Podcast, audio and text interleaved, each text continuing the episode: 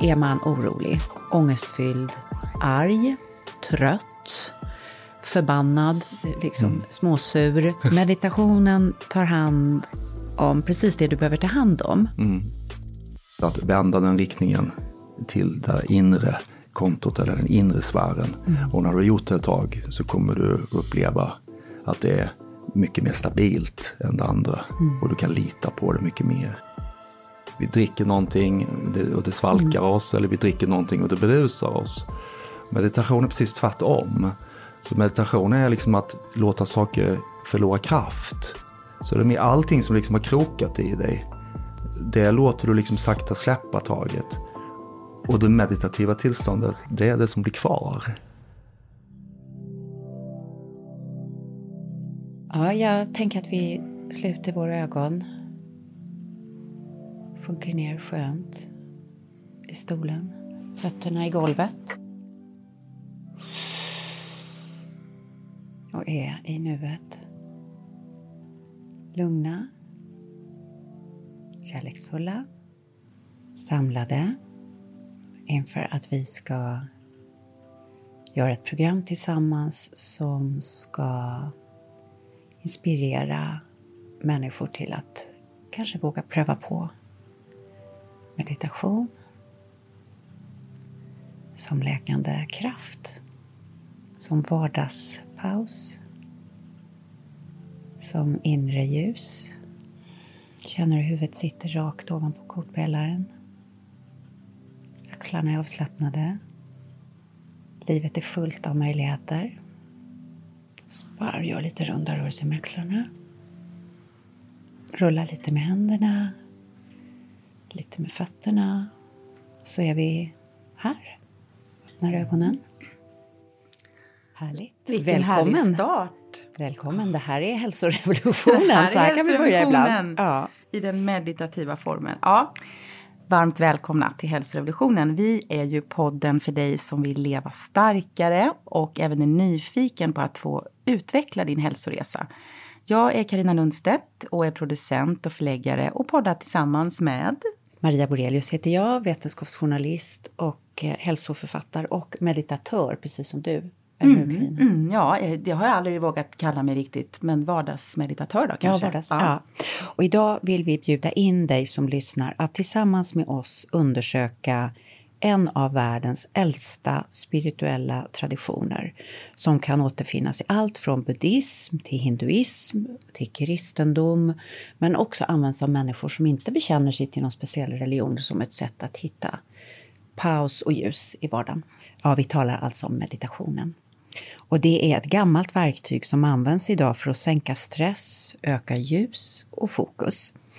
Kan det här vara något för dig?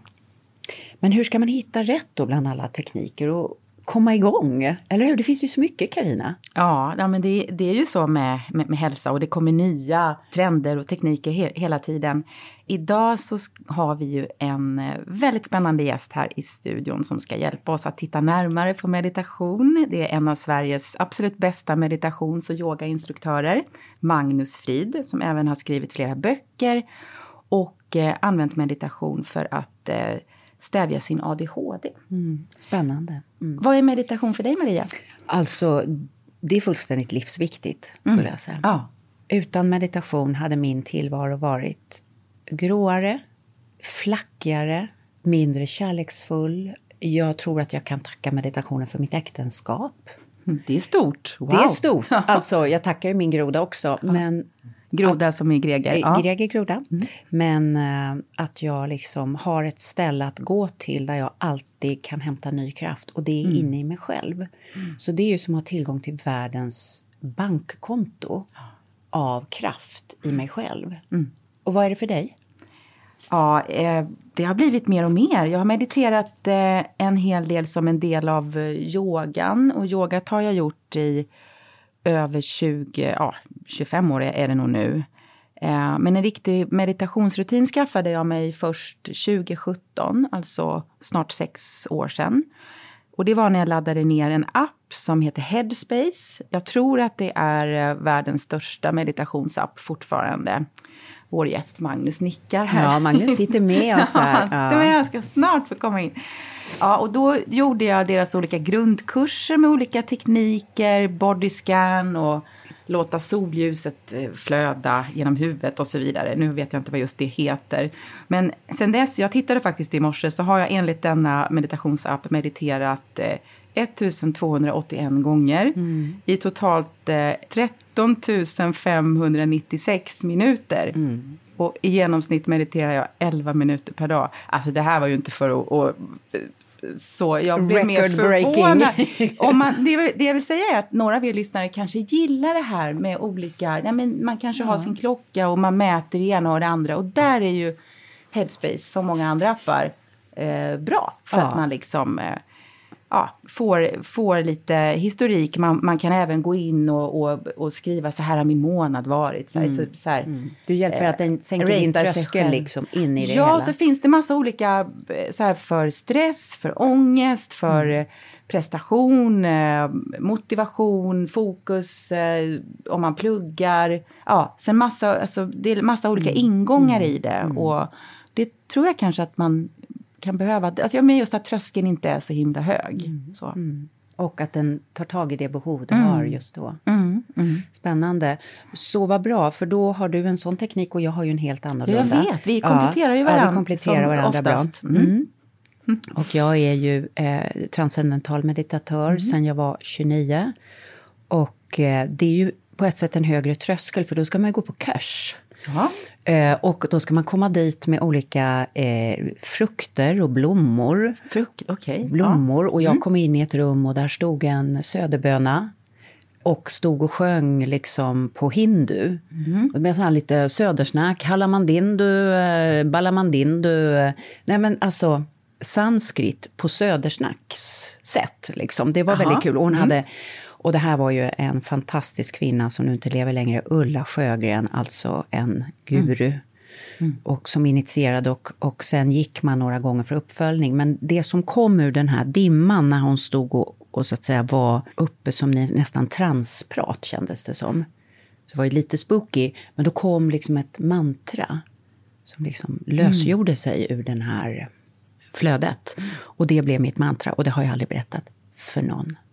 Men det är ett så vackert ljud. Och jag vet inte varför jag har fått just det här. Jag vet vad folk säger att mantran beror på, men mm. det finns tankar om det. Men jag har ett mantra och det är ett så vackert ord och det jag har aldrig berättat för någon, inte min man. Ingen vet vad detta mantra är. Mm. Och, eh, så det är min skatt, känner jag. Men nu ska vi få veta. Nej. Mm. Nej. det kommer ingen få veta. Nej, det är din det är min hemlighet. egen hemlig, mm. meditationshemlighet. Ja, ja, så är det.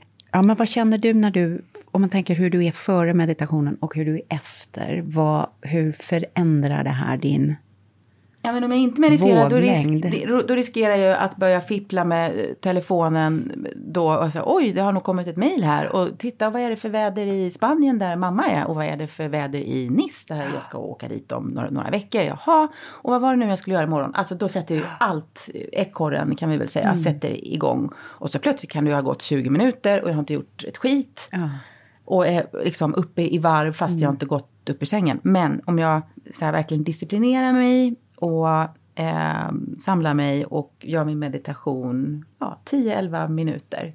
Ibland lite längre, ibland lite kortare. Så är det ju jag som sätter agendan, inte alla andra mm. som kanske vill ha svar av mig eller som ja, eller sånt som jag bara svävar iväg till. Och jag, blir, jag blir ju mer orolig av mig annars helt enkelt. Mm. Och det här du brukar, det du sa nyss, det här med att man känner sig mer grå, det kan jag verkligen mm. känna igen mig i. Mm. Och du, Nej, men jag tänker, ja, det liknar ju väldigt mycket som du har det.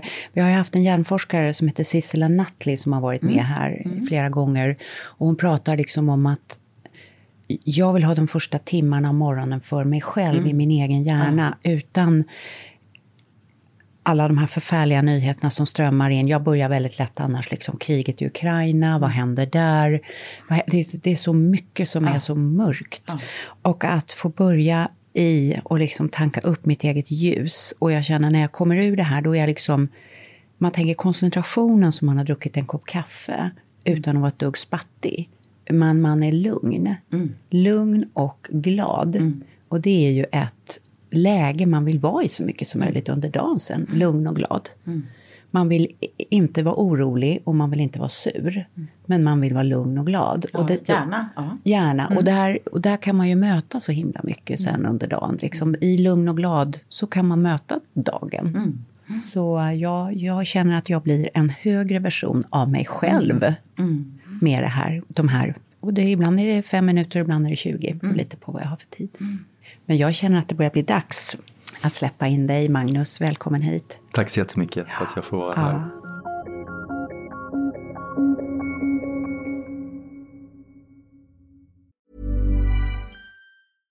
Everyone knows therapy is great for solving problems, but getting therapy has its own problems too, like finding the right therapist, fitting into their schedule, and of course, the cost. Well, BetterHelp can solve those problems. It's totally online and built around your schedule. It's surprisingly affordable too. Connect with a credentialed therapist by phone, video, or online chat, all from the comfort of your home. Visit betterhelp.com to learn more and save 10% on your first month. That's BetterHelp H E L P. Cool fact a crocodile can't stick out its tongue. Also, you can get health insurance for a month or just under a year in some states. United Healthcare short term insurance plans, underwritten by Golden Rule Insurance Company, offer flexible, budget friendly coverage for you. Learn more at uh1.com.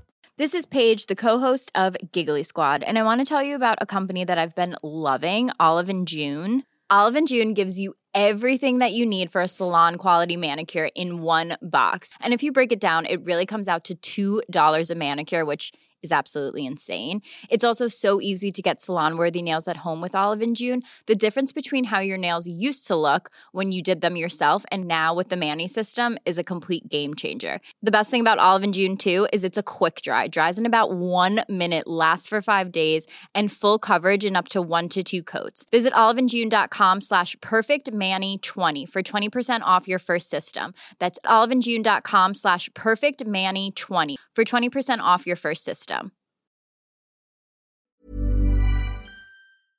Du har ju varit med en gång förut eh, på telefon och då kände både jag och Karina han måste komma hit på riktigt eh, till studion och nu sitter du här i perfekt lotusställning. är det så du tycker det är skönast att sitta? Ja, det, jag tycker det är väldigt härligt att sitta så. Men det, det, kan, det, det kan man ta så mycket meditation eller göra utan jag har en ganska lång rygg så jag känner alltid att jag hamnar bättre. Så jag, sitter, jag ser van att sitta så. så. Sitter bra, ja. Du är meditations och yogalärare, väldigt känd och omtyckt i Sverige. Du är författare till böckerna Viloläge och Att vara stilla när allt skyndar. Underbara titlar. Hur är du verksam idag? Hur skulle du vilja beskriva dig själv idag? Precis som du presenterade, att du, du ville kalla dig för vardagsmeditatör, inte en meditatör. Jag känner likadant absolut. Jag undervisar yoga och meditation, breathwork och alla de här metoderna i, i former som i podd, eh, retreats, events, veckoklasser och utbildningar kan man väl säga och genom böcker då. Men samtidigt så känner jag väldigt mycket att jag, jag ser mig själv som en eh, kanske meditativ vän till de jag undervisar. Än någon slags form av guru eller lärare på det sättet. Den, den, det har jag mycket svårare att gå i de skorna. Jag vet inte om jag vill det.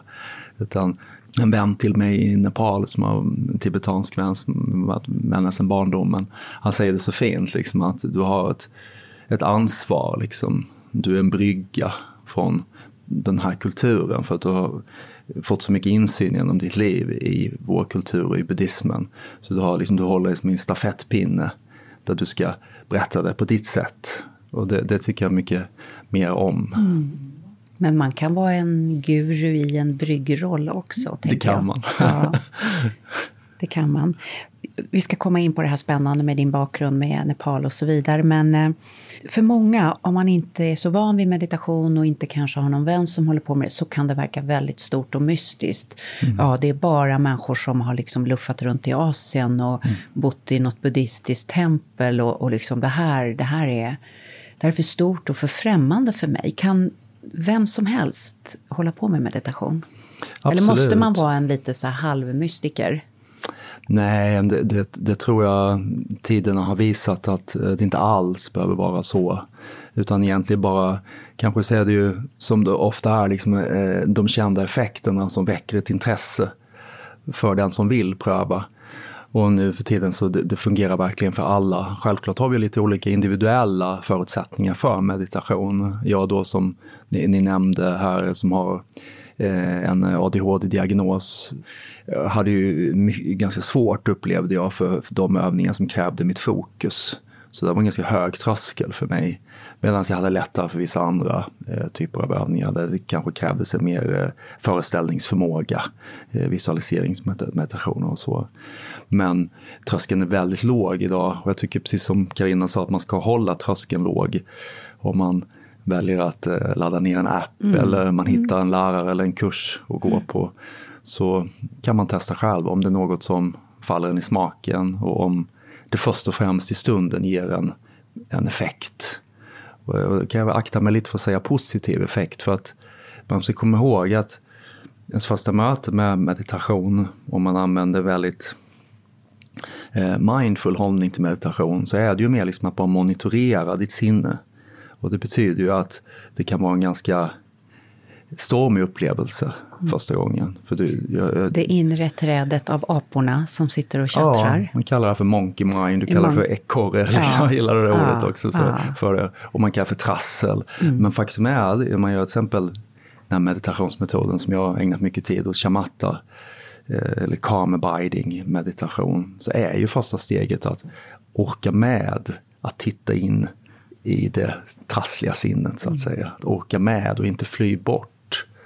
Så lite du sa tidigare, liksom att vända sig till sin egen, jag kommer inte ihåg vad du sa, konto. Eller sitt ja, eget. men man har liksom ett, ett emotionellt konto, bankkonto ja. tänker jag som en, ett eget rum, liksom hemligt Precis. rum. Jag tyckte ja. det var jättebra, för att då tänker jag så här att alternativet till att söka där är ju yttre stimuli mm. såklart. Och den är ju, den är ju så lätt ibland och, och den är så lockande ja. och kraften där ute mm.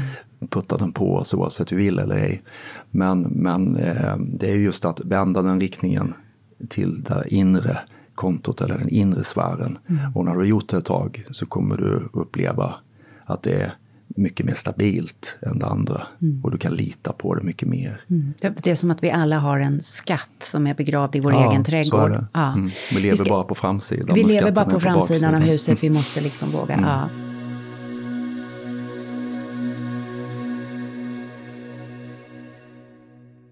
Innan vi börjar prata om den här skatten och hur man kan komma åt den. Du har själv en egen, lite ovanlig resa in i meditationen. Du har pratat om Nepal. Mm. Du har studerat indiologi, du har en, hade en, eller har en ADHD-diagnos mm. som du har liksom, eh, fått jobba med genom det här. Berätta, hur blev din väg in i meditationen? Eh, jo, det var så här att någon gång på 70-talet så eh, av en tillfällighet så satt min mamma i ett väntrum på någon läkarstation. Och där fanns en tidning där det var ett reportage om tibetanska flyktingar. Och allt sedan 50-59 så, så är ju mm. Tibet i en diaspora till, till länderna runt omkring framförallt och på grund av Kinas ockupation. Och så hon läste om det och hon blev väldigt liksom tagen av barnens öde. Mm. Hur många i stort sett liksom stannade kvar i Tibet eller var tvungna att lämna barnen åt sina mm. öde. Så väldigt mycket sådana orphanage eh, öppnades upp i nordvästra Indien och eh, i Nepal. Så att hon blev fadder, som så många är nu för tiden. Eh, men hon, hon liksom, liksom uttryckligen skrev till SOS och sa att jag vill bli fadder åt ett tibetanskt barn som har det här ödet. Liksom. För det är där jag vill hjälpa då. Hon var väldigt intresserad av eh, socialt och kulturellt arbete. Inte intresserad av meditation. Och eh, det blev då Karma, hette, hette pojken, heter pojken. Och han är ett par år äldre än mig. Så ända sedan jag var, ända sedan mina första minne så, så eh, fanns karma med i, i vår perifera familj som mm. gudbror eller vad man ska säga då. Mm. Och ni skrev brev till honom då, för det är ju så det ofta funkar. Ja, eller han ja. skrev brev till er? Och... Ja, mamma var väldigt aktiv ja. och hon var fantastisk. Eh, det låg alltid liksom så här klädpaket som skulle ner och hon eh, skickade till andra barn också på barnhemmet och blev väldigt god vän med rektorn på skolan. Så han var till och med hälsade på oss när han var i Europa någon gång och blev en livslång vän till min familj då. Gud, jag börjar nästan gråta när du berättar det här. och sen så, ja. Så fint. Så, så vi var ju liksom brevvänner. Liksom, Ja, vet, och, och ja. Ibland tyckte jag att jag måste jag skriva brev till kammaren. Men sen ibland så, vissa perioder var det intensifierades. Ja, men du blev förstår för honom att så. sitta utan föräldrar och så dyker bara några människor upp från andra sidan jorden som Ja. bryr sig om honom. Och sen var han äldre då, så att alla de här presenterna, jag minns det så väl, alla de här presenterna som skulle skickas till honom, de var ju alltid liksom de jag ville ha. Så var det de där Tintin-magasinen som inte jag fick läsa för jag var för liten. Så jag kommer ihåg jag tjatade att kan, inte, kan vi inte låta bli att skicka några stycken i alla fall. Ja. Men så blev det ju inte. Och sen så kom den där, så vi, vi höll väldigt tät kontakt.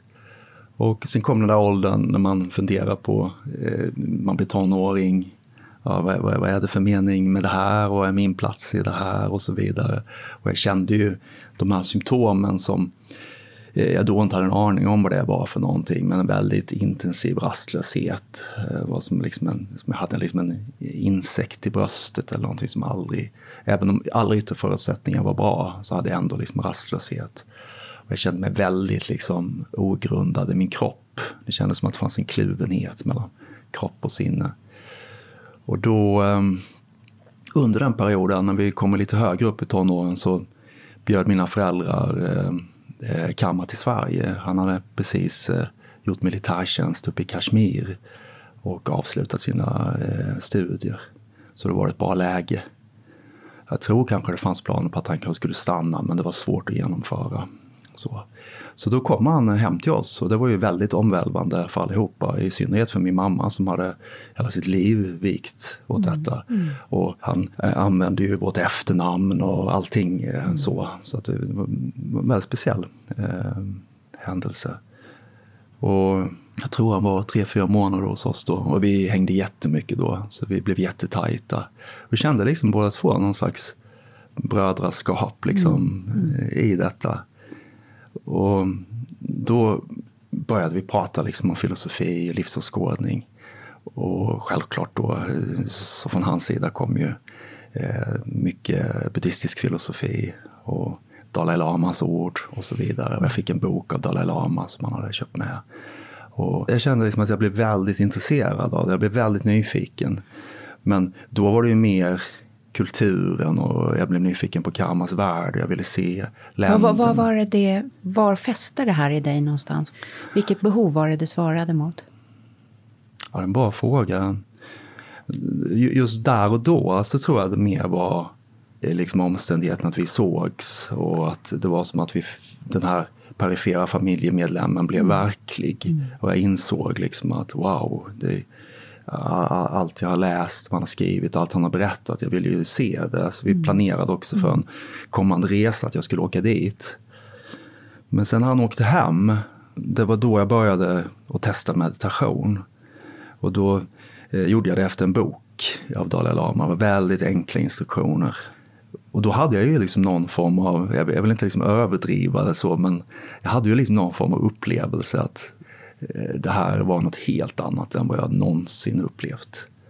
Och om man sätter det i perspektiv då till att ha liksom känt sig trängd av rastlöshet och oro och liksom inte bekväm i sin kropp och sådär. Mm.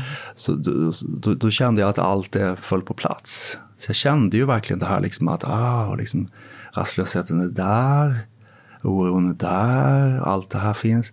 Men, men det, det klistrade inte lika hårt på mig. Mm. Så man fick den här liksom ytan mellan stimuli och respons man pratar om i meditation. Så den ytan liksom, den växte i alla fall lite grann större.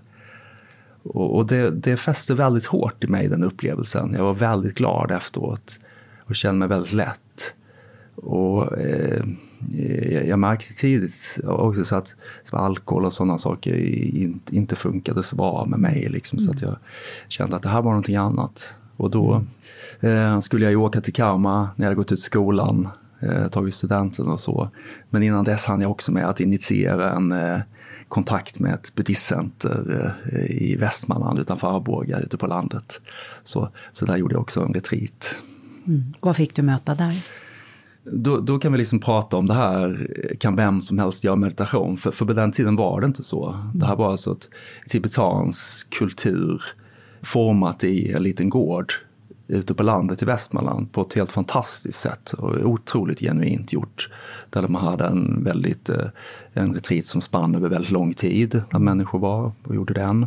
Och hade veckokurser och så. Och där bodde också en, en lama, då, en munk, en tibetansk munk, mm. som höll i all undervisning. Mm. Och han kunde inte svenska eller engelska, så man hade också översättare som översatte. Mm. Så det var liksom inte den närheten heller till eh, som nu när man kan youtuba fram vilken lärare som helst mm. eller så. Så det var, ju, det var liksom väldigt väldigt speciellt. Mm. Så att jag var liksom både tagen av min upplevelse av meditationen och samtidigt så växte liksom ett enormt intresse för för allt som eh, berörde mm. Eh, detta. Och inte minst, ska jag också säga, precis som min mamma så var jag ju väldigt illa berörd av tibetanernas situation. Ja, den är, det är ju fruktansvärt. Som, ja. som tyvärr är densamma i stort sett. Liksom. Jag ska ja. tipsa om en film om man är intresserad av det här som går på Netflix som heter Sju år i Tibet med ja, Brad Pitt. Där får man se hur ett folk fullständigt förtrycks en bra ja. ingång till vad som hände lite Ja, det är det verkligen. En mm. ganska enkel film, ja. men en sann historia. En sann historia. Heinrich Harrer, en ja. österrikare, en klättrare som ja. kommer dit lite av en slump. Och, och, en, äh, gripande, gripande. Ja, det är verkligen.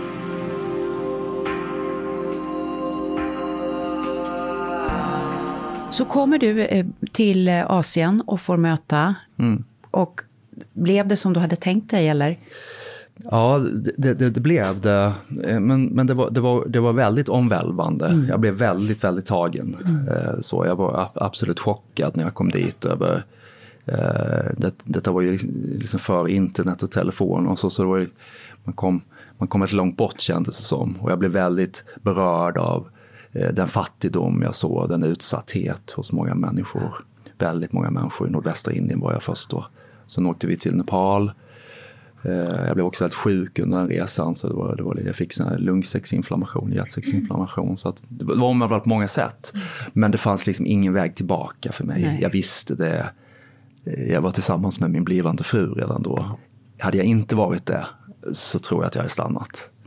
För det drog så enormt i mig mm. att jag ville vara kvar. Detta. Så. Jag bara fråga, hur gammal var du då när du kom dit och, och när, när var det? Du sa att eller 20 då. När var vi, bara 20? Ja, ja, så du var väldigt, ja. väldigt öppen. Och det var ja. vilket år? Det? det var 91 på sommaren. 91, ja. Mm. Eh, när, jag, när du berättar det här Magnus så får jag så mycket bilder för att jag har ju också arbetat i Indien med eh, mm. hjälpa kvinnor att starta, fatt, väldigt fattiga kvinnor att starta företag.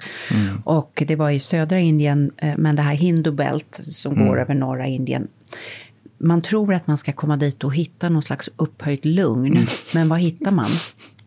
Ja, det är kaos. Kaos. Det är kor, det är apor, folk skriker, folk ligger och dör. Man ja, kliver det, på det järnvägsstationer ja. över människor som man vet, inte vet alltså, om de dör mm. eller om de är levande. Mm. Och först tänker man, hur kan vi kliva över de här människorna? Mm. Som när jag klev av på en indisk eh, tågstation uppe i Rishikesh. Rishikesh är intressant. Ja, men det kanske mm. ligger hundra personer. Mm. Var ska du ens börja för mm. att hjälpa? Alltså, så du måste... Det, det, ställer ju alla begrepp på huvudet, eller? Ja, jag håller helt med dig. Det var precis så jag upplevde det som du beskriver nu. Och initiala känslan är att man vill hjälpa alla. Och det går ju såklart inte, så du måste ju förhålla dig på något sätt. Lever de med de döda? Och det, faktum är ju att det var första gången som jag också såg en död människa. Mm. Det var ju Haridwar och Rishikesh mm. där man, där man eh, begravningsplatsen är nere vid Gatsen, alltså nere vid floden, ja. vid floden där man eh, eh lägger kroppen då väldigt vackert inlindad i tyg ja. och man eldar. Du var med och tittade på en arti då? Absolut, ja. jag har sett många sådana ja. i Nepal också. Eh, arti är alltså begravningsceremoni enligt hinduismen för en död, där man kan lägga askan eller mm. den döda kroppen på en liten flotte. Mm. Och så tänder man eld och så får det här liksom segla ut i Ganges. Precis. Mm. Väldigt vacker och så sitter man och sjunger omkring och vaggar och gungar ja. eh, människorna som är närvarande. Så det är en mm. väldigt, väldigt spirituell och vacker ceremoni. Men, det är otroligt vackert. Ja, helt annorlunda ja. än... Och det är mycket sorg. Och det, det jag tycker, tycker är så intressant, att det är mycket sorg. Men det är också vanliga livet precis bredvid. Ja, Där precis. går liksom försäljarna som ja. vanligt. Så att det vävs ihop mycket mer. Ja. Och, det, och när, det var ju ingen tvivel om var man hade kommit. Man kände doften. Att jag, vad är det här för doft? Aldrig känt. När man brände det här då. Så att det, det var nog en upplevelse som jag också haft i meditation. Att saker kan samexistera. Att du behöver liksom inte ta sorg och stoppa i en box och sätta här borta. Utan sorg kan du liksom, den kan få plats. Men du kan, du kan vara glad mm. i sorgen också. Mm. Mm. Det är en annan form av glädje men, mm. men det, du behöver liksom inte avskaffa sorgen innan du kan vara glad. Liksom. Mm. Tror inte jag i alla fall. Och det Vad tänker du om det Karina? Det där resonerar ju verkligen. Det är precis så jag mm. känner sen jag då fick uppleva större sorg. Eh, att det, det är ju det som är meningen. Alltså, mm. Livet mm. och döden och sorgen, allting samtidigt. Och eh, inte att vi ska trycka undan, utan att vi ska kunna prata om det svåraste fastän vi kanske är på ett bröllop som är jätteglatt Absolut. eller vad det, mm. vad det kan mm. vara. Eh, så jag, jag, vet inte vad det beror på. Om det, alltså det, är, ju, det är ju för att vi är för, så, så förskonade här i mm. västvärlden från att just se döden så påtagligt. Förrän mm. det, för det, mm. det göms undan mycket och ja, det har blivit så att vi inte pratar om, om det mm. så mycket. Och då blir det ju chockartat när det händer att mm. när en närstående går bort, vilket ju händer alla Absolut. förr eller senare. Det blir som en abnormitet ja. Mm. istället för att vi är alla på väg mot mm. vår ja. död som, som i buddhistisk dödsmeditation. Mm. Alltså vi är alla ja. på väg mot detta. Och det är ju en tanke man mm. Ska bli vän med. Eller ska och ska, men man kan bli vän med den tanken. Ja, men så, folk så... tänker att man är drabbad. Ja, och det, är, det är man ju på ett sätt. För När det kan hända tidigare än vad man har önskat. Så att säga, på ett sätt är man drabbad. Men samtidigt så är det ju det är bara en, en realitet att ja. vi har en tid på den här jorden och för en del mm. av oss blir den kortare mm. och för en del av oss blir den e- längre. Vi jobbar ju då med den här fantastiska hälsopodden mm. mm. med redskap som i många fall kan göra att vi kan kanske påverka en del, bli ja. friskare, må bättre.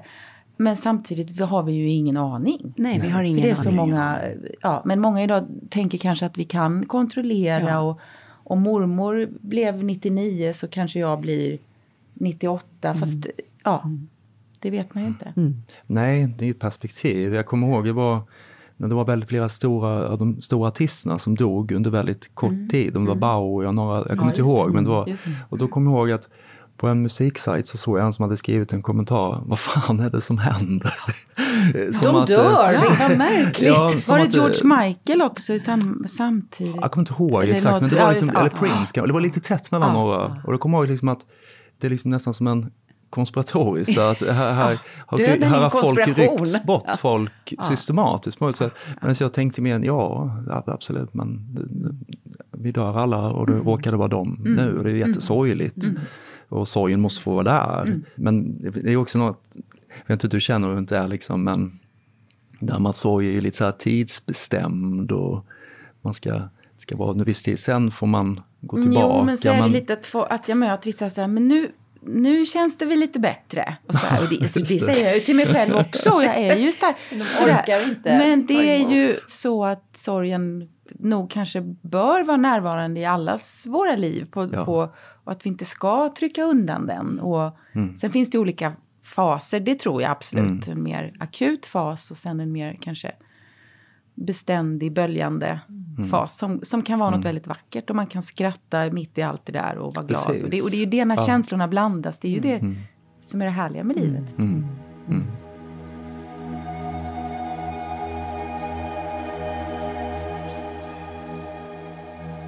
Magnus, hur ser din ritual ut idag om vi ska vara lite praktiska? Mm. Mm. Vad gör du? Jo, men, men det är någonting som jag är väldigt noga med då. Och det tror jag också att om man vill bli en meditatör och få alla de här fantastiska effekterna som finns i det så bör man ha vad jag kallar för någon, någon form av praktik eller practice. Då, liksom.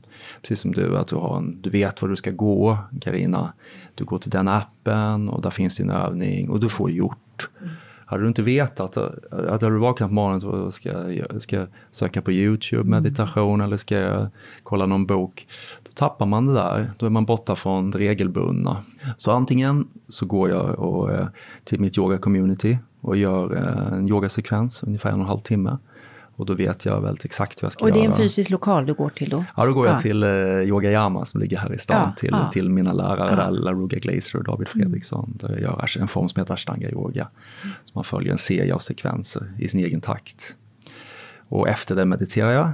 Och om jag inte går dit på morgonen så går jag ner och sätter mig vid mitt köksbord och då sitter jag eh, bara på en helt vanlig stol. Men jag sitter kan du visa hur du sitter då? då? Sitter, sitter du med fötterna i golvet? Jag sitter faktiskt så här med, med korslagda ben. Korslagda ben på, på köksstolen?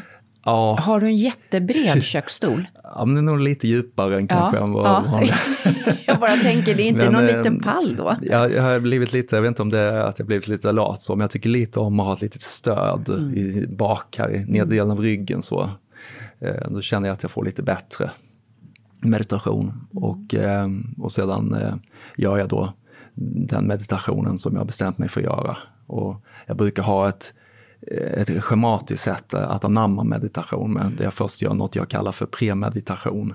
Jag gör någon form av andningsövning, mm. någon form av breathwork.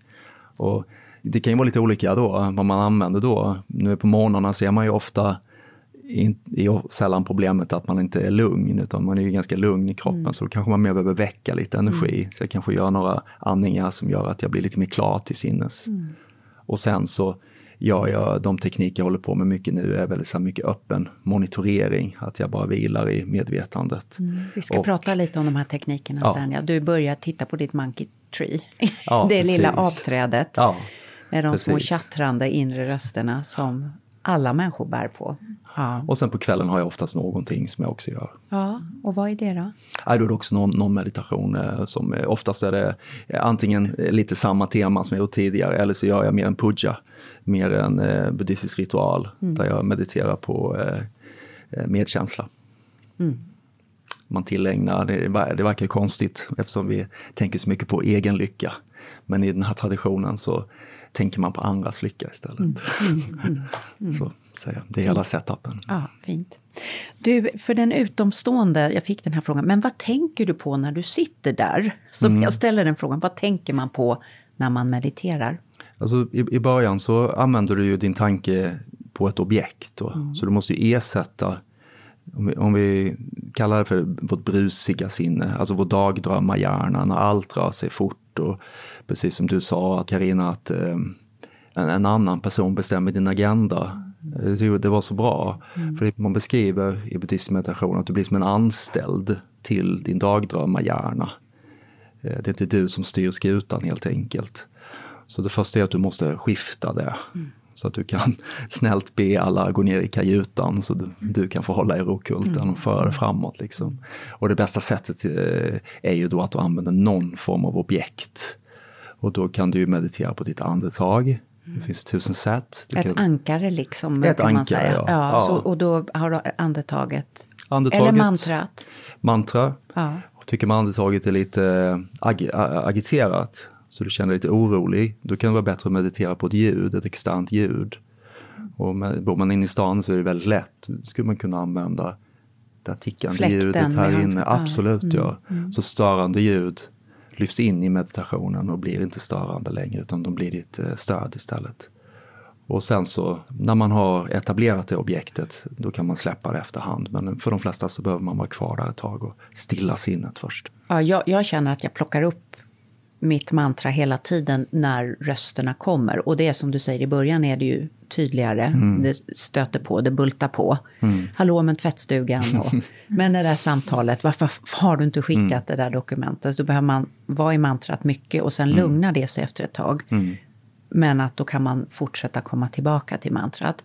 När du har lugnat dig själv, mm. vad var är du då? Liksom, om man skulle beskriva det här för någon som inte mediterar, vad, vad är du i för rum då? Det känns som att jag är i en eh, väldigt öppen medvetenhet. Ett stort, väldigt, väldigt stort rum som har väldigt lite att göra med eh, de eh, egenskaper som har tillskrivits mig och min, min, mitt jags hävdande att det är solitt så att säga. Utan det känns bara väldigt, väldigt öppet mm. och väldigt kärleksfullt. Mm. Och i grunden har en känsla av lycka. Jag kan få eh, så här eh, lyckorusningar men jag förstår inte var de kommer ifrån utan det är bara tillståndet i sig som jag kan uppleva det. Går du utanför din egen kropp känner du? Nej, det, det, känner jag inte. Jag känner att jag är mer kvar bara i en stor sfär och jag känner att det finns plats för allting. Så det är lite mer som att om vardagshjärnan är som ett litet rum mm. och i ett litet rum om man sätter in en soffa så är det en, ett vardagsrum eller man ska mm. säga eller en säng så är det ett sovrum. Men i ett stort rum så kan du ha massa olika möbler men det är inget som definierar rummet. Så känns det. Så att allt det som tidigare har skälpt dig i form av störande, det, det, kan, det bara, kan bara vila i kulissen. Det stör inte överhuvudtaget. Det känns som, eh, som det bara det är som vatten med som flyter. Liksom. Det här är ju det man tänker jag också, när man pratar om transcendens, att man transcenderar det lilla rummet. Man går in, jag kan känna att jag går in i total närvaro med alla andra människor Ja, på jorden. Alltså jag är bortom mitt, som du säger, egot är ju skittråkigt va?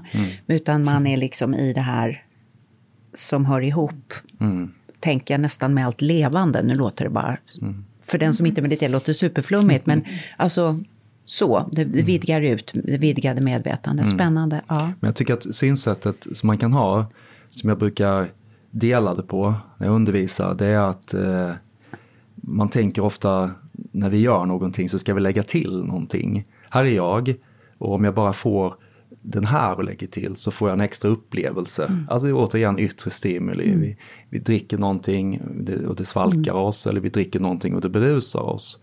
Meditation är precis tvärtom. Så meditation är liksom att låta saker förlora kraft. Så det är allting som liksom har krokat i dig. Det låter du liksom sakta släppa taget. Och det meditativa tillståndet, det är det som blir kvar. Vilken spännande Så tanke. att, så att Mm. it's always been the case. ja.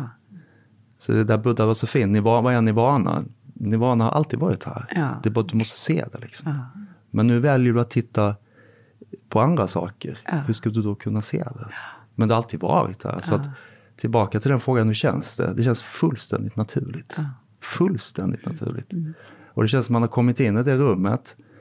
Så det känns det liksom alla de här trösklarna vi har för att ta oss till lugn och stillhet. Eh, Man vill, man vill inte gå ut liksom. Man vill bara vara kvar. Då. Och sen, sen, sen, sen får ju... Får Sen man, kommer livet, ja. Sen Ja, man får inte bli en meditativ eh, bypassare så att säga. Nej. Utan livet är här, du måste Nej, sju agera. timmar om dagen. Och det måste, du måste göra gott. Oj, måste jag liksom. jobba också? Liksom, och liksom, ja, ja, såklart. Typ försörja mig. Ja. Såklart, ja.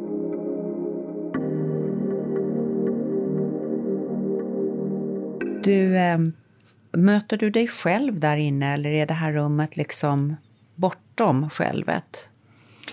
Det, det, det är klart att man möter någon version, en, en ny version av det vi kan kalla för själv, vad du nu är. Men eh, framförallt så, där jag är med meditation, så väcks den stora frågan, mm, vad är självet och hur existerar det liksom? Och, och det finns en väldigt fin beskrivning i, i buddhismen där man säger att tidigt i livet, när du föds, då kan vi ju allting. Vi kan sova bra, vi kan andas bra, vi kan bara slappna av, ligga och vila och så här. Så allting är där. Och då är det beskrivet att vi är riktade mot en ocean av möjligheter. Och sen så under sociala omständigheter och genetik och så vidare så, för, så förs ett litet, litet glas ner i oceanen. Och sen så vänder någon dig bort från oceanen och säger, där är du. Och så säger de att glaset är du. Det är dina möjligheter och du är si och så. Och det måste du vara rädd om, för detta är du, så förlora inte det. Liksom. Och sen så kommer livet och du skyddar glaset och kanske lite sand i glaset så det börjar skaka och till slut kan du inte ens se igenom det, utan det känns bara grumligt. Men hela syftet är att vända dig tillbaka och sakta hälla tillbaka vattnet. Wow, vilken bild. Ja, jag tycker om den Den bilden. är stor. Och det, det är det. Så att så känner man. Att det finns inga... Eh, om, om man fortfarande upplever hinder i form av rädslor eller sådant i meditationen. Då, då, då är man ju kvar i det konceptuella så att säga. Så att jag skulle snarare säga liksom att när, när man bryter igenom det så är det väldigt naturliga upplevelser av lycka, tillfredsställelse med det som är. Och eh, väldigt intressant tycker jag, medkänsla. För det ligger väldigt, absolut, väldigt nära. ja. Väldigt, väldigt nära. Du känner en gemenskap med någonting. Jag vet, eh, det finns ett uttryck eh, som Mingyur Rinpoche, en känd tibetansk lärare, säger att det är som att, att bli förälskad i världen. Det, det är fint tycker jag. Mm. Du blir inte förälskad i någon särskild Nej. människa eller något mm. villkor. Mm. Utan du blir bara förälskad i att mm. vara vid liv. Mm. Min meditations, alltså det, lärare Ulla Sjögren, mm. transcendental meditatör från söder. eh, hon brukade alltid säga att meditationen tar hand om precis det du behöver ta hand om. Mm. Så är man orolig, ångestfylld, arg, trött, förbannad, liksom mm. småsur. Man kan komma till meditationen med vad som helst mm. och hitta den här oceanen av lugn eller det här ljuset. Håller du med om det? Att du kan liksom, alltså det är en slags universal, en bägare som kan rymma allt. Du kan komma med vilken, alltså du behöver inte vara i någon buddha-mode när du sätter dig. Nej, nej. Väntar du på det så kommer du aldrig att börja meditera. Nej, nej. Jag tänker snarare tvärtom, att man kommer till meditation för att man känner att man vill lösa någonting. Ja. Som, som Buddha själv, han kände ju lidande i livet. Han ja. ville förstå. Uh, han, han levde i palats och så när han var 29 år så, hans far hade ju lovat honom mm. att du behöver aldrig lida. Mm. Du får allt, du får hur många fruar du vill, du får hur många tjänare du vill, du får mm. allting. Men så tänkte man, det, det är ändå en han kanske hade ADHD, vem vet? Mm. Det var en mur, han tänkte mm. vad finns utanför? Mm. Och körkaren som han bad köra ut honom mm. gjorde det. Och han såg en eh, gammal person, en mm. sjuk person, en död person. Mm. Han bara, vad är det här? Ja, det är livet. Mm. Så, så, han insåg att det finns en friktion. Mm. Så det var ju det som katalyserade hela hans mm. meditativa resa. Mm. Det var ju just den traumatiska upplevelsen. Att han trodde att det skulle vara fritt mm. från friktion att leva. Det här är fantastisk historia. Hermann Hesse ja, har ju skrivit en underbar precis. bok om ja, detta. Tysk författare som heter Siddhartha, som mm. ju är Buddhas namn innan han blir den upplyste. Precis, lite fiktiv är den på något sätt. Ja, men den, den är, väldigt vacker. Jo, men det, den Alla bör läsa vacker. den. Ja. Väldigt tunn och lättillgänglig.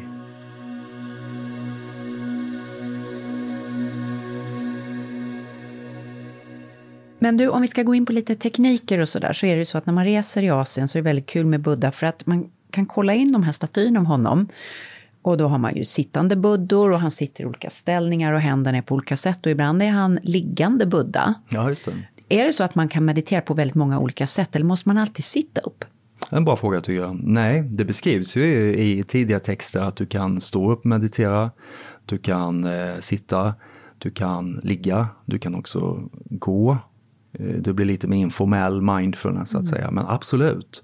Så, så att sitta med benen i kors, det tror jag nästan liksom börjar bli, jag tror alla meditationslärare nu för tiden vet att det här är svårt för många. Så vi måste förenkla det. Mm. det. Det, kan inte vara en avgörande faktor. Mm. Gör du yoga och så, så förenklar du, öppnar upp mm. höfterna. Mm. Det är vad du gör och då kan du lättare sitta så. Men tänk om vi har en knäskada, ska vi inte mm. Meditera då? Mm. Då är det bara att sätta dig på en stol. Mm. Så du kan absolut göra på olika sätt. Det finns olika ställningar, absolut. precis. Och om man då ska titta lite på de här olika teknikerna. Karina har pratat om att använda app med en handledare. Mm. Jag använder TM. Mm. Du har, är det en teknik som man skulle kunna kalla vipassana? Det här att observera sina mm, tankar. Nästan kan man säga. En, ja. en halv vipassana mm. ja, och så vidare. Man kan andas, det är mm. mindfulness. Mm. Man bara ska reda ut, vilken hur funkar de här olika teknikerna och vad passar det till exempel att börja med? Är det så att vissa tekniker funkar bättre för vissa människor? Jag tror, jag tror att, äh, att det finns många vägar in. En väg, en väg in kan vara med kroppen, så att du kanske möter det via yoga. Det kan vara lättare för vissa människor att säga, de säger att jag, jag kan inte fokusera på någonting, det är bara tankar överallt. Men om du säger till en människa att andas in och resa armarna upp. Ja. Och när du ändå har gjort det, så varför inte andas ut och böja dig fram? Ja. Då har man liksom gett som ett objekt. Ja. Och sen tar man det därifrån. Och vad jag ser då i alla fall är ju att efter 60 minuter så, så kommer vi, så vi touchar vid den här dörren in till något stilla. Eh, men vi har liksom använt massa märkliga positioner och mm. sen smyg, smyga in också att de ska andas i rytm till det här då på ett speciellt sätt. Och då vet vi ju att om vi lär oss att andas ut långt så stimulerar vi vagusnerven, parasympatiska nervsystemet och så vidare. Så att man kan använda massa olika vägar dit. Man lugnar kroppen ja. gradvis, aktiverar det vi brukar kalla pandan Precis. för att kunna. Ja. Och det är ju intressant när du säger det också för att så är ju yogan tänkt från början. Ja. Inte som ett mål i sig, utan som en väg in i det höga målet, Exakt. som är meditationen. Precis, är det. Och i väst har vi istället gjort liksom, Vi plockade en, ja, plockade ut en. ett russin. Ja, ett russin. Så att yoga, eh, och hur länge behöver man, om man har lite svårt att komma till ro, hur länge behöver man yoga för att liksom få den här parasympatikusaktiveringen, vagusnerven och så vidare för att lugna ner sig så att man, kan det räcka med tio minuter eller Absolut. vad tycker du? Absolut. Och, och, och om man skulle komma till mig och vilja ha privatlektioner med det så, då skulle jag liksom jag vet inte exakt vad jag kommer att göra utan jag måste fråga, jag måste lära mig om personen. Så kanske en person börjar vi med yoga direkt, en annan person börjar vi bara med andning. Och en tredje person kanske är mogen att direkt sätta sig, att sluta ögonen. Men, men den sista varianten, den skulle jag vara eh, väldigt försiktig med, med vissa människor som är kanske mycket uppe i varv och så. Då måste vi, då måste vi göra den här första biten först där vi får över dem i den lugnare delen, trygghetssystemet. Som lärare, hur märker du om någon är så uppe i varv att det liksom skulle bli svårt? Hur ska man känna igen det på sig själv? Det kan vara svårt att följa instruktionerna. Eh, En del tycker det är svårt att blunda. Och andra ser ju att de eh, tycker det är väldigt svårt med andetaget. Så att det är också någonting eh, med en person som är väldigt grundandad, som, som inte använder diafragman och interkostaler korrekt så att säga. Då, så, Andas högt upp alltså i Precis, övre delen av bröstkorgen. Ja. Mm. Precis.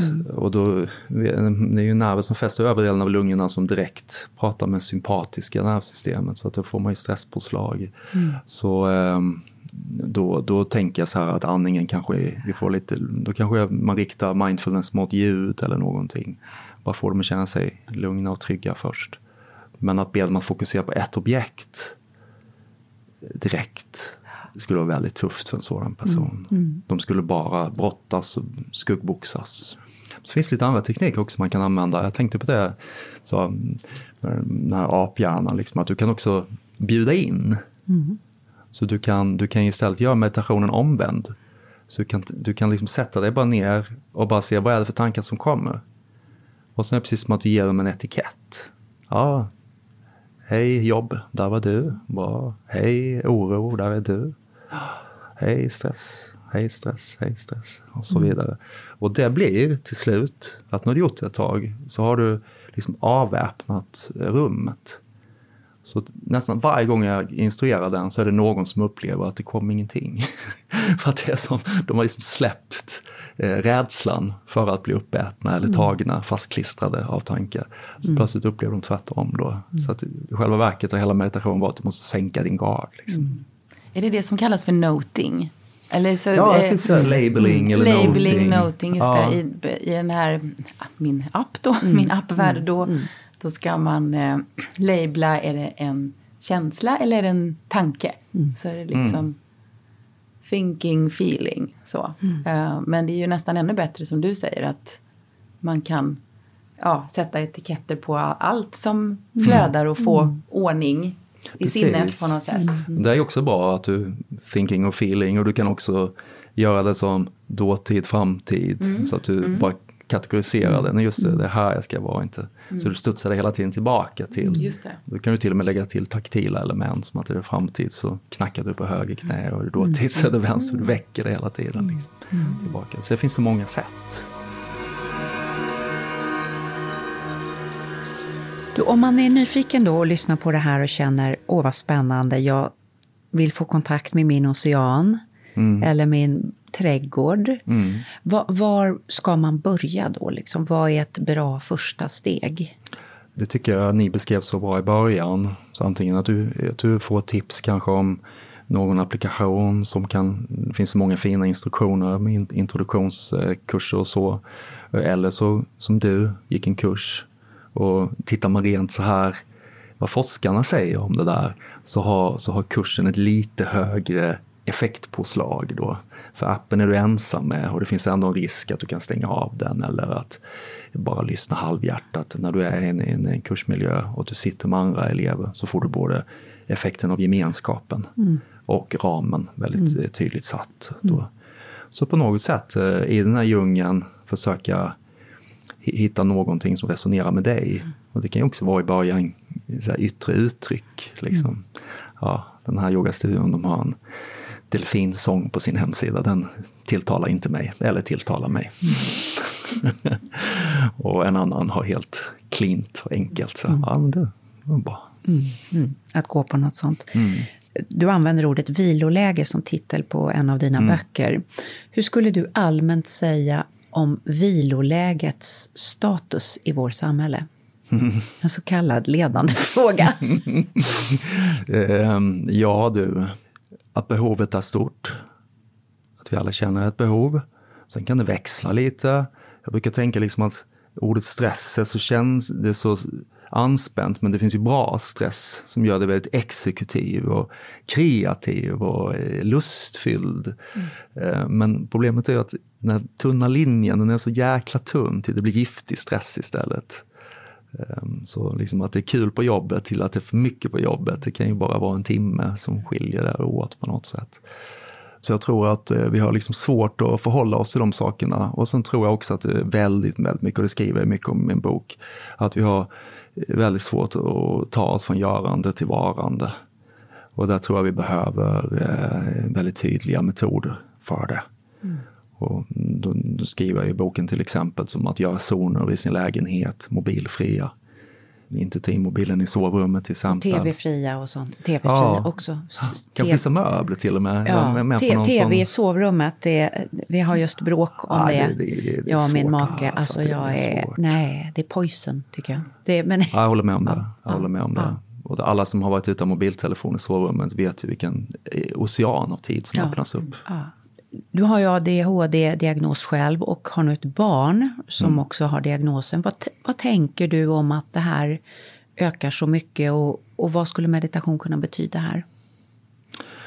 Dels, dels så tänker jag att eh, jag önskar att jag kanske hade förstått lite mer om det när jag var yngre och eh, vilken oerhörd tur jag hade som hittade ett sånt vasst verktyg för att kunna självmedicinera mig med det. Och sen såklart, eh, så när jag ser min, mitt liv baklänges så kan det bli också lite märkligt. Eh, när jag mer kände att det var någon andlig resa så var det egentligen en diagnos som jag tampades med. Liksom då. Så jag, kan, jag fick den här vuxendiagnosen, kom ihåg att jag var lite chockad faktiskt först. Eh, det var väldigt mycket minnesbilder som kom tillbaka och nästan alla minnesbilder innehöll slutmeningarna, tänk vad jag har kämpat. Liksom. Det var nästan alltid slutmeningen, åh vad jag har kämpat. Liksom. Kämpat med? Jag har kämpat med, med väldigt mycket. Liksom. Mm. Att bibehålla fokus, att eh, kunna vara kontinuerlig, att eh, kunna lyssna både till mig själv och till andra. Och sen så i mitt fall då så har det också innehållit en viss periodicitet av en låghet mm. som jag aldrig har förstått riktigt. Och, och, den eh, hade jag gärna varit utan så att säga om jag hade förstått det tidigare. Så, mm. Och hur bär du med dig det här nu till ditt barn? Ja, det första jag tänker där är att ADHD för mig, det finns visst element av superkrafter i det men det är väldigt tufft med ADHD. Och jag tänker när man träffar folk med ADHD, om man inte själv har ADHD, så, så, så är det väldigt svårt att förstå tror jag. Eh, men man ska inte tro att personen på något sätt eh, hittar på eller något sånt utan det är ett reellt mm. problem. Mm. Och det, det kan vara Ja men bara en sån sak, nu, nu blev ju det lite roligt och så, men jag var ju här en timme för tidigt idag. Eh, det, det är ju en väldigt typisk grej. Mm. Att jag, jag hade liksom det kunde blivit en timme för sent också. Mm. Mm. Så. Och det, det, är ju kul, men när man har gjort det mm. misstaget tusen gånger då är det inte så kul för en själv. Nej. För att då är det en röst inuti en som säger, ah, vad fan, inte nu igen. Mm. Och det där växer, tror jag alla ADHD-personer känner, att en självkritik som kan bli enorm. Och därför har jag haft väldigt nytta av meditationen med självmedkänsla. Mm. Men eh, den självkritiken, den kommer alltid eka högre än de som mm. kritiserar en för misstagen man gör, så att säga, mm. klumpigheten man besitter, mm. glömskan man har och så vidare. Så, så, det, så den är väl den som jag eh, försöker med min dotter att inte spä på, så att säga. Mm. Försöker, mm. Men det, det, det är svårt, ska jag säga, att både ställa lite krav, men inte heller att det blir för mycket. Liksom.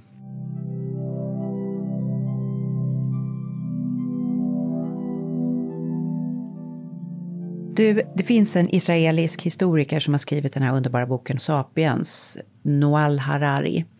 Och han skrev också en bok som hette 21 lektioner för 21 århundradet. Mm. Och de första 20 lektionerna handlade, nu gör jag verkligen en hissversion, om att allt håller på att gå åt helvete i mm. princip. AI tar över, fattiga människor i världen, krig och elände. Och den 21 lektionen var vägen ut. Mm. Hans enda råd till mänskligheten var meditera.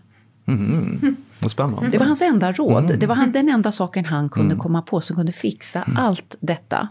Och han är ju en, en, en sån här världsledande Davos-människa och så vidare. Och därför så åker han varje år, jag tror han åker och mediterar tio dagar eller något sånt. Mm. Han gör den här vid passarna som är väldigt hardcore meditation. Där man, mm. Han sitter sju, åtta timmar om dagen och, bara, och, och studerar sina tankar. Precis så. Så min fråga till dig blir ju liksom, hur kan meditation förändra världen? Jag, jag kan hålla med honom om att det ändrar varje människa specifikt. Och sen hur vi verkar i världen, det kommer ju bli som en kedjeeffekt. Så jag, jag tänker spontant på när jag var nere i Frankrike och gjorde retreat för ett tag sedan i en vecka. Då, jag tror vi var 150 personer eller någonting. Jag kommer ihåg, verkligen noterade då hur atmosfären ändrades efter tre, fyra dagar. Och när man har varit i en miljö med så många som mediterar på medkänsla eh, för andra och att vara respektfull mot andra och respektfull mot saker runt omkring dig och så vidare, så, så blir ju den miljön väldigt annorlunda. Mm. Och människor blir väldigt lätta till sinnes. De blir inte lika, tar inte saker så personligt hela tiden, utan ser mer till gemenskapen. Och det är klart att skulle man dra den tanken vidare så får du enorma ringar på vattnet. Mm. Så det, det, det tror jag är absolut kan få, eh, det kan låta, jag kommer ihåg i början när jag hörde Dalai Lama sa att man ska meditera för eh, världsfred, jag kan mm. känna så här, jag kan inte relatera, men, men vad han menar är ju precis det liksom. Det är som en, man tittar på en fontän som sprutar upp så ser det bara ut som en statisk vattenstråle. Men tittar man nära så är det ju faktiskt bara små vattendroppar, mm. precis som allt annat. Så skulle alla här där vi är nu på den arbetsplatsen meditera så skulle det definitivt förändra klimatet. Mm. Det är jag säker mm. på. Jag tänker så också som, som Dalai Lama, fast jag är ingen Dalai Lama förstås, men att vill man ha fred i världen måste man börja med fred i sig själv Absolut. och kring sig själv och att vi har alla ett ansvar i detta. Mm. Eh, även om man jobbar med våldsbekämpning och så vidare så kan man ju mm. göra det från en plats av frid i sig själv och då får man liksom en annan, mm. andra cirklar på vattnet. Ja, och medkänsla kan ju också vara kraftfull. Det behöver inte att, vara nej, Medkänsla är ju också att skydda den som är svag. Precis. Absolut, ja, absolut. Det är inte bara att sitta och titta mm. på. Ja. Magnus, helt underbart att få ha dig här. Tack. Jag tänkte jag kunde lägga till också Karma, min fadderbror då, mm. som fick in mig på det här. Mm. Eh, vi, vi är fortfarande väldigt nära vänner, vi är verkligen som bröder. Han bor, den här föräldralösa pojken som blev vårt fadderbarn i Indien, som fick oss som fadderfamilj, eh, bor nu i Kathmandu och har varit, eh, kommit ganska långt in i mattindustrin, driver ett spinneri mm. för mattexport och gått väldigt bra för honom. Han har stort hus där. Min mamma och pappa hänger på en, en 70-talsbild på dem på väggen, mm. väldigt konstigt. Och ehm, eh, mina barn har varit med mig där och så vidare och hans barn är kompisar med mina barn. Så cirkeln har liksom slutits. Mm. Jag tänker alltid att det är väldigt härligt för att en sån liten grej som att min mamma lyfte en tidning och det råkade vara ett reportage om tibetanska flyktingar och hon förde det vidare till mig. Mm. har påverkat allt för mig. Mm. Underbart.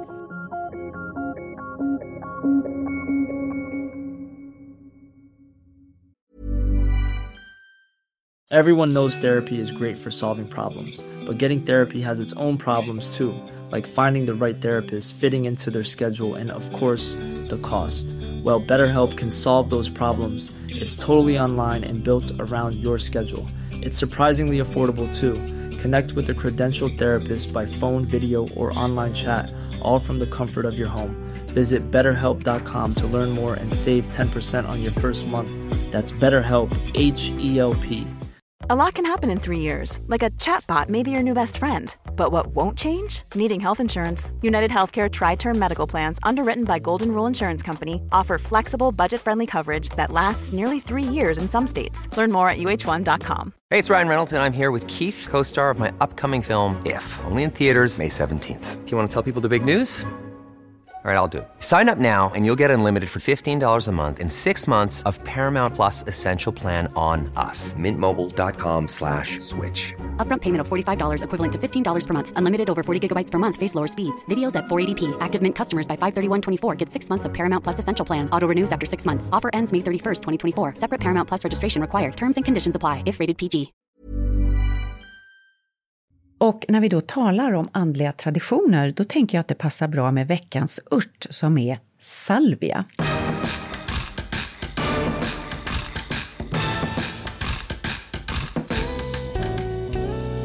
Salvia officinalis. Officinalis är ofta namnet på alla de här gamla medicinalväxterna. Det är ludna, vackra, grågröna, välsmakande blad på den här växten och den har ju en gammal medicinalhistoria. Indianerna har använt salvia länge. Torkade salviaknippen som man tänder eld på för att rena luften, för att rensa ut det gamla och ge plats för det nya som traditionen säger. Och i nyandliga kretsar i USA så talar man om att smudge. Eller hur Karina? Mm. Det har du hört om va? Nej, smudge? Jo, man liksom duttar de här salviakvistarna mm. och rensar i luften för att jo, rensa bort rensa det gamla. luft har jag hört ja. och jag har hängt eh, en liten salviakvist eh, i mitt sovrum för att det ska vara ja. extra bra. Där har du den, precis. Salvia tillhör familjen Lamicaceae och salvare på latin betyder just att bota. Och i Rom har jag lärt mig att man under antiken använde salvia för att underlätta matsmältning och läka sår. Och också tror jag eh, hantera depressioner pratade man om där i medicinalhistorien. I alla fall i forskningen kan man se att salvia är rikt på kalcium som ju behövs för ständig återuppbyggnad i vår benvävnad Veganer talar ju ofta om greens and beans, alltså kalkrika grönsaker och bönor tillsammans för att äta benvävsstärkande mat. Det låter inte så himla sexigt, men du fattar vad jag menar. Så det kan vara näringssmart att äta till exempel hackad salvia på en bönsallad. Fast idag ska vi laga något busenkelt och otroligt gott och näringsrikt som är taget från min nya kokbok. Salta tomater med salvia. Både polyfenoler, omega-3-fetter och stärker mikrobiotan. Till fyra personer behöver du fyra tomater, 16 ansjovisfiléer, 8 salviablad och lite olivolja. Ta några tomater, skär dem på mitten och på varje tomathalva lägg två ansjovisfiléer på tomaterna som i ett kors och ett salviablad per tomathalva och häller på lite olivolja. In i ugnen på 150 grader och låt det här smälta ner. Ja, man kan ta in det 20 minuter eller också låter man det ligga ännu längre så det liksom bara smälter till en sån här härlig salt salviatomat. Gott och enkelt tillbehör till allt från vegobiffar, kycklingfiléer, en bit torsk eller varför inte en lammstek. Och de här tomaterna som blir över nästa dag är en perfekt bas i en tomatsås eller en köttfärssås eller en veganfärssås, vad man känner för. Gud så gott! Ja, men det är så enkelt Karina. Det här ska jag nog göra till Ann som jag ska bjuda på middag imorgon. Ja, men det är liksom alla så här, vilket gott tillbehör och jag lovar det tar en mikrosekund. Det passar mig, ja. Det, det, det, jag, jag gillar det här när man blir hero på lite. Liksom. Det vill jag bli. Ja, Mathero. Men du, så underbart eh, ja. spännande. Vad tänkte du? Nej, jag tänker ju att jag, alltså den här meditationsresan, det är ju någonting man gör för livet, både i ett kortare och ett längre perspektiv. Och att börja med de låga trösklarna, men sen kanske fördjupa sig. Jag blir väldigt inspirerad att fördjupa mig på något sätt. Mm. Och kanske gå en, en kurs för Magnus. Jag, jag har gått en tidigare mer dagsretreat för honom och eh, Sheila Arnell som är hans yogakollega. De har mm. en eh, community som heter About Yoga kan vi säga mm. också om ni vill mm. kolla upp den. Och ja, nej, jag, vill, jag vill lära mig mer känner jag. Jag mm. blir så inspirerad. Mm. Vad känner du? Ja, men jag tänker som du eh, och jag tänker att i buddhismen ligger väldigt mycket spännande livsvisdom. Eh, jag är ju kristen men väldigt inspirerad av buddhismen, så ser min lilla, mitt lilla paket ut kan man säga. Och jag tänker att jag vill lära mer om buddhismen. De här bilderna med oceanen, det var en ny bild för mig, en väldigt spännande tankegång. Mm. Och eh, jag fick också en idé där om hur jag ska få till min andra meditation om dagen, det här att göra ja. en det vill jag fördjupa. Det har jag tänkt också. Mm. Antingen om man behöver en paus på eftermiddagen om man har intensivare ja, uppdagar. Ja.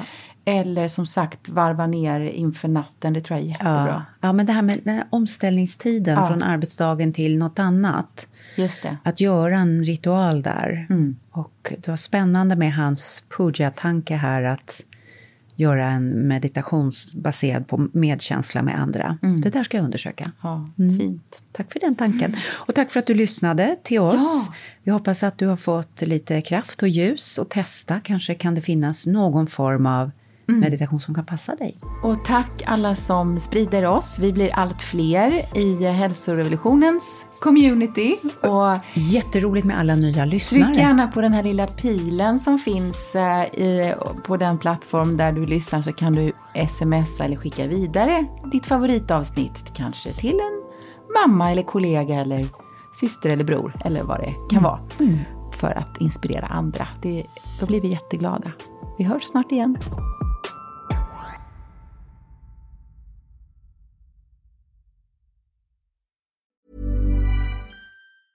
Planning for your next trip?